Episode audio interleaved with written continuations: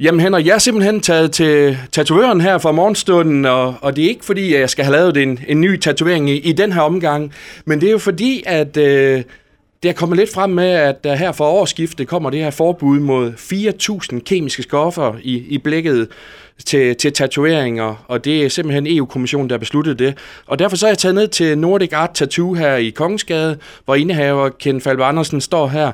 Og Kenneth, altså, hvad, hvad siger du til sådan en, at der nu kommer nogle kraftige restriktioner for jeres vedkommende? Jamen først så siger jeg lige godmorgen, godmorgen.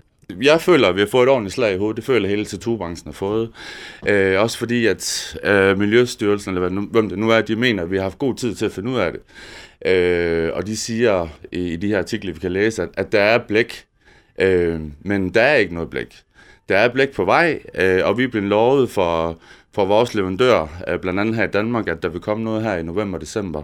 Øh, så det er det, vi øh, forventer, og det er det, vi håber på. Hvad siger du til de ting, der er kommet frem, at øh, der måske i det her blæk, det kan skabe noget irritation, allergi, infektion og, og i værste fald kræft? Har du hørt sådan nogle reaktioner fra nogle af dine kunder? Altså, øh, allergier og sådan nogle reaktioner, det har vi hørt før, men det her med kræft, det har vi slet ikke hørt.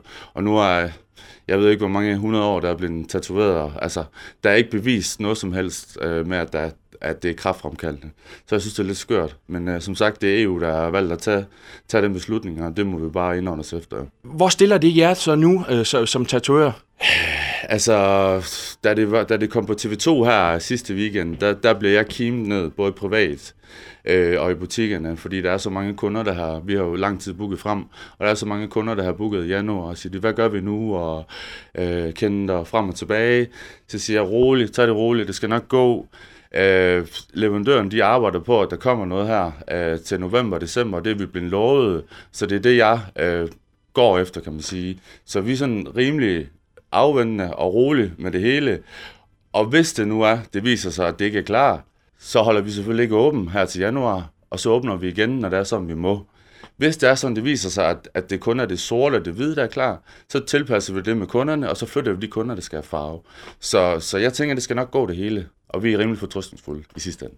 Så bare lige for at få det præciseret, I kommer selvfølgelig til at følge de her regler 100%, og folk skal ikke være nervøse derude. Det gør vi 100%, og jeg kan sige, at vi kommer ikke til at have åben, hvis det er som vi ikke må have åben. Øhm, det er vi simpelthen for store til, og det vil jeg ikke tilbyde mit team og mine ansatte. Øhm, så vi holder lukket, øhm, og som sagt, øh, sidste år der var det corona. Det overlevede vi også næsten at have lukket i fem måneder, og vi kan også sagtens overleve ved at have lukket en eller to måneder. Så hvis det viser sig, at vi ikke, øh, at blækken ikke når at komme, så holder vi bare en, en, en lang juleferie.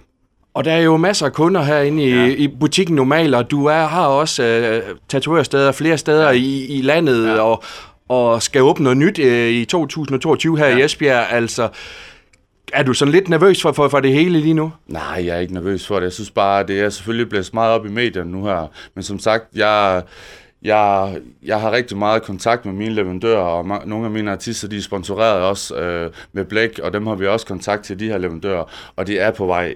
Det, der kan være, det kan blive forsinket, det er, at måske leverandøren, de vælger at satse på Tyskland i stedet for, og så kan det være, at de tænker, at Danmark det er ikke så vigtigt lige nu, fordi det er et kæmpe marked i Tyskland.